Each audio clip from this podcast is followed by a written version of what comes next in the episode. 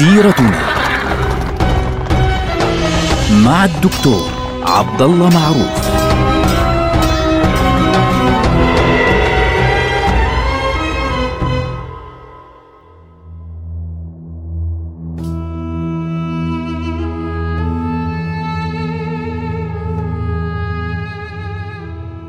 بسم الله الرحمن الرحيم الحمد لله رب العالمين والصلاة والسلام على سيدنا محمد وعلى آله وأصحابه أجمعين حياكم الله جميعا. سيرتنا نتحدث اليوم عن رضاعة رسول الله صلى الله عليه وسلم. النبي صلى الله عليه وسلم أول من أرضعه كانت ثويبة مولاة أبي لهب اللي أرضعت أيضا حمزة وأبو سلمة. حمزة عم النبي صلى الله عليه وسلم وأبو سلمة آه عبد الله بن عبد الأسد آه المخزومي ابن عمة النبي صلى الله عليه وسلم. الآن عادة الناس في ذلك الوقت كانت اللي هم الأشراف يعني بنو هاشم طبعا أشراف وعبد المطلب يعني أشرف قريش على الإطلاق. كانت عادتهم أنه دائما يبعثوا أولادهم لمين؟ لمرضعات من قبيلة معروفة بالإرضاع اللي هم من قبائل البدو اللي موجودة في البادية من الأعراب لأنه لغتهم آه العربية بتكون فصيحة جدا كانوا يرسلونهم معهم للرضاعة. بيرضعوهم تقريبا سنتين. المرضعات بيجوا كل فترة. أي واحدة بيجيها ولد مباشرة بيجمعوا حالهم النسوان وبيروحوا على مكة وبيجتمعوا وبينادي منادي ألا إن مرضعات بني سعد قد أقبلن. فبيجتمعوا الناس وبصير عاد مفاوضات إنه أخذ ابنك مش عارف إيه تأخذي ابني أخذ بنت إلى آخره. وبعد ذلك تأخذه كل واحدة منهم فبيكسبوا شغلتين. إيش هم؟ أول شيء اللغة اللسان سلامته. ثم النقطة الثانية بيبعدوا عن الجو اللي هو الجو الوخم في المدن يعني في على أساس أنه اكتظاظ طبعا هم ما شافوا في المدن في أيامنا يعني على الاكتظاظ يعني بنحكي على الاكتظاظ المبدأ أنه في ذلك الوقت كان النبي صلى الله عليه وسلم طبعا يتيم ولكن مع ذلك العادة أنه لازم يبعثوه مع مرضعة حتى يكتسب صحة وقوة ولسان عربي فصيح. فأقبلت مرضعات بني سعد وكان في بينهم هذه الشخصية الجميلة حليمة بنت عبد الله اللي هو ابن آه يقال له أبو ذؤيب من بني سعد ابن سعد. فحليمة بنت أبي ذؤيب. طبعا إحنا بنقول رضي الله عنها. ليه؟ لأنها كبرت كمان وأسلمت. رأت النبي صلى الله عليه وسلم اللي هو ابنها برضاعة. رأته أصبح نبيا وأسلمت وهاجرت ودفنت أيضا في البقيع رضي الله عنها وأرضاها. فإلها قصة جميلة مع النبي صلى الله عليه وسلم. إيش بتقول حليمة؟ بتقول أنا كانت عادتنا أنه نحمل حالنا ونطلع كل فترة لما يكون في عندنا أولاد بنطلع مباشرة. وكانت هذه السنة التي ولد فيها النبي صلى الله عليه وسلم سنة شهباء. يعني إحنا كانت بالنسبة لنا الأمور صعبة في القبيلة. فأخذت ابني طبعا ابنها مين هو؟ اسمه عبد الله، عبد الله بن الحارث، زوجها اسمه الحارث بن عبد العزى بن رفاعة، وابنها عبد الله ابن الحارث كان لسه مولود، يعني هو من نفس سن النبي صلى الله عليه وسلم تقريبا، فبالتالي أخذته هي وجوزها الحارث وراحوا على مكة المكرمة، وكانت طالعة على حمارة الله يعزكم حمارة هيك اللي هي أتان بيقولوا طبعا أنثى الحمار، هيك حمارة ضعيفة وحالتها حالة. وخرجت وحتى إنه الحمارة هذه كانت يعني تخط... تأخر الجميع فيقولون لها يعني عجلي يا ابنة أبي ذؤيب. يعني شو هالأتان هذه تبعتك؟ الناس حملوا حالهم راحوا وسبقتها نساء بني سعد. طلعوا المنادي في مكة ويقول أقبلت مرضعات بني سعد فاجتمع الجميع إلى المرضعات حتى يجوا وياخذوا. فكل واحد بتيجي طبعا بتطلع واقفة تخيلوا المشهد الآن واقف عبد المطلب جد النبي صلى الله عليه وسلم. وواقفة أمه آمنة بنت وهب واقفة أيضا أم أيمن بركة. وحاملين هذا الطفل. فبتيجي المرضعة بتقول أين أبوه؟ يعني مبين شيخ كبير يعني مش أبوه. فأين أبوه؟ بيقولوا لها والله أبوه مات. فبقولوا يتيم. ما يفعل أبوه يعني ما يفعل جده وأمه. إنما كنا نرجو الخير من أبيه. ليه؟ لأنه ما كانوا يتفقوا على أجرة محددة. كانت هذه طبعا وهذا صعب ليه ما بيتفقوش على أجرة؟ ويتركونها لكرم الأب. فبيصيروا عادي يتفاخروا. أنا أعطيت جائزة كذا وكذا ناقة لمرضعة ابني. أنا أنت شو أرضعت ابني؟ أنا أعطيت لمرضعة ابني كذا وكذا وأنا أرضع لكن الأم في النهاية يعني شو بدها تعطي؟ وفي نفس الوقت الجد يعني مش راح يعطي مثل الأب يعني مش راح يفتخر إنه والله أنا أعطيت لابن ابني بين قوسين.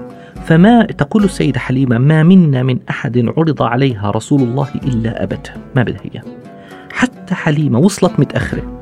ويا دوب حطت أغراضها ونصبتها الخيمة هي وجوزها. هم بيقعدوا ليلة واحد وبيحملوا حالهم يروحوا يعني بس. فوصلت فعرض عليها النبي صلى الله عليه وسلم فقالت يتيم شو بدي أعمل؟ ما يفعل أبوه وجد يعني أمه وجده شو بدهم يعملوا؟ فتركته. وبعد ذلك لفت لقت كل الأولاد راحوا ولم يبقى أحد. فرجعت وهي زعلانة وغاضبة إنه كيف أنا عشان الأتان هذه اللي ضعيفة حالتها حالة كيف أنا أرجع وأتبهدل؟ ثم في المساء طبعا تخيلوا كيف أم النبي صلى الله عليه وسلم كيف انكسر قلبها لما كل النساء يقولوا يتيم يتيم يتيم يتيم بنشية يتيم بنشية تخيلوا إحنا عن مين نتكلم؟ رسول الله ولا واحد راضي تأخذه. تخيلوا. فحليمة المساء المغربيات هيك بدها تنام هي وجوزها. فقالت تعلم والله لأذهبن إلى ذلك اليتيم فلا أخذنه. فإيش قالها؟ قالها لعلك تفعلين. خير يعني ما في مشكلة. لعل الله يجعل في له فيه لنا فيه بركة. شو الآن بدهم إياه؟ لماذا تريده الآن؟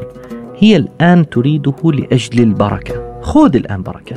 النبي صلى الله عليه وسلم لا يؤخذ لأجل الدنيا. النبي صلى الله عليه وسلم يؤخذ لأجل بركته ولأجل فضله ولأجل عظمة هذا الدرس اللي بنستفيده الآن. فلما إجت تاخده عشان البركة طرقت الباب. وين دار أبو عبد المطلب؟ الكل بيعرفها. تك تك تك. آه أين ابنكم؟ أنا أريد أن أخذه فسرت ابن أمه. فبتقول هي بتقول كان ابني الصغير الحليب اللي أرضعه إياه عبد الله ابنها كان لا يكفي فبضل يبكي يبكي يبكي. يعني لأنه ما في طعام. فبتقول فما إن حملت انظروا اللحظة الأولى. تريدين بركة يا حليمة. تريدين بركة رسول الله. خذي بركة النبي صلى الله عليه وسلم. بتقول فما إن حملته حتى أقبل عليه ضرعي باللبن. فشرب ما شاء وشرب أخوه. عبد الله ابن الحارث شرب أيضا مع النبي صلى الله عليه وسلم. و وما كان ينام قبل ذلك. فحتى ما يعني ما كانش ابني لا يشبع ولا ينام وناما. فهي صدمت بالمشهد. إيش هذا الولد؟ أول ما حملته مباشرة امتلأ ضرعها باللبن ومش عليه هو وحده أيضا على ولدها الآخر. هكذا بركة رسول الله. تحل عليه وعلى كل من يتصل به بسبب أو نسب أو اتباع. أيضا. هذه النقطة بدنا نتعلمها جيدا إخواننا وأخواتنا. لا تطلب من رسول الله صلى الله عليه وسلم إنك والله بدك تتبعه فقط عشان تأخذ من الدنيا. اتبعه لأجل بركته ولأجل هداه وسترى الفضل والعظمة من الله عز وجل. فعند ذلك بتيجي بتحمله بترجع وهي مبسوطة فيه. فلما دخلت على الخيمة فنظرت إلى الناقة وإذا بها حافل اللي هو ضرع الناقة إيه؟ طب ما هي الناقة كانت فاضية. فإذا بها حافة فتقول فحلبنا وشربنا وشبعنا وبتنا بخير ليلة. وزوجها الحارث بن عبد العزة صار يقول لها بالليل أمي بدهم يناموا. بتعرفوا الأزواج بيكونوا يتكلموا قبل ما يناموا. بيقول لها تعلمين يا حليمة والله لقد أخذت نسمة مباركة. فالمبدأ بتقول في اليوم التالي ركبنا على الأتان نفسها الحمارة الضعيفة وإذا بها تسابق القوم دبت فيها الحياة. يا إخواننا الحمار الحيوان اللي ما بيعرف شيء يعرف قيمة رسول الله اللي قاعد حملها اللي حملته هذه الأتان على ظهرها. بعض الناس اليوم بيعرفوش قيمة النبي صلى الله عليه وسلم لكن الأتان أنثى الحمار اللي حامل النبي صلى الله عليه وسلم وهو رضيع عارف قيمة هذا الشخص العظيم اللي حاملته. فدبت فيها الروح وصارت تسابق تسابق الناس جميعا. فصاروا يقولوا لها أربعي علينا. ويحك يا ابن أبي ذؤيب يعني أربعي علينا يعني استنينا. أليست هذه أتانك التي أتيت عليها؟ فتقول بلى والله إنها لهي. فبيقولوا لها والله إن لها لشأنا. أبصر شو مالها. هم مش عارفين إنه هذه الأتان دبت فيها الروح حبا في رسول الله الذي تحمله وفرحا بهذا المولود العظيم الذي تحمله. فبتقول فكانت أغنامي ترعى وأغنام القوم ترعى فترجع أغنام القوم جوعى وأغنامنا ملأى. فالناس بيقول للرعاء للرعيان ويحكم ارعوا حيث ترعى غنم ابنة أبي ذؤيب. فنفس الشيء لماذا لم تحل بركته على كل القبيلة؟ فقط على هذا البيت فقط. لماذا؟ لأن القبيلة رفضت رسول الله صلى الله عليه وسلم. لكن هذا البيت أراده. طيب ليش أرادوه؟ لبركته. لا لأجل مال ولا لأجل دنيا. هكذا عاش النبي صلى الله عليه وسلم أول سنتين معهم. عشان هيك لما راحت بعد سنتين تورجيه للنبي صلى الله عليه وسلم تأخذه لأمه تقول فأخذته لأمه وأنا أحرص عليه لما رأيت من بركته. فظلت تقنع أمه حتى رجعته معها وعاش معها سنتين أخرين حتى يتعلم معنى العائلة لأنه بعد هيك سيكون له شأن عظيم سيكون معلم البشرية.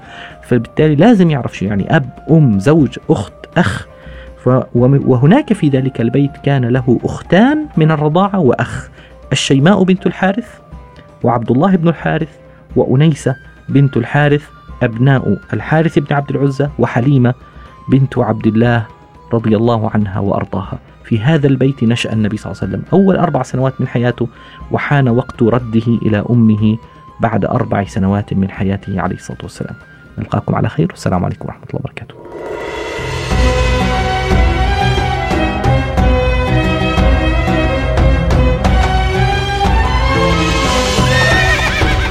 سيرتنا مع الدكتور عبد الله معروف.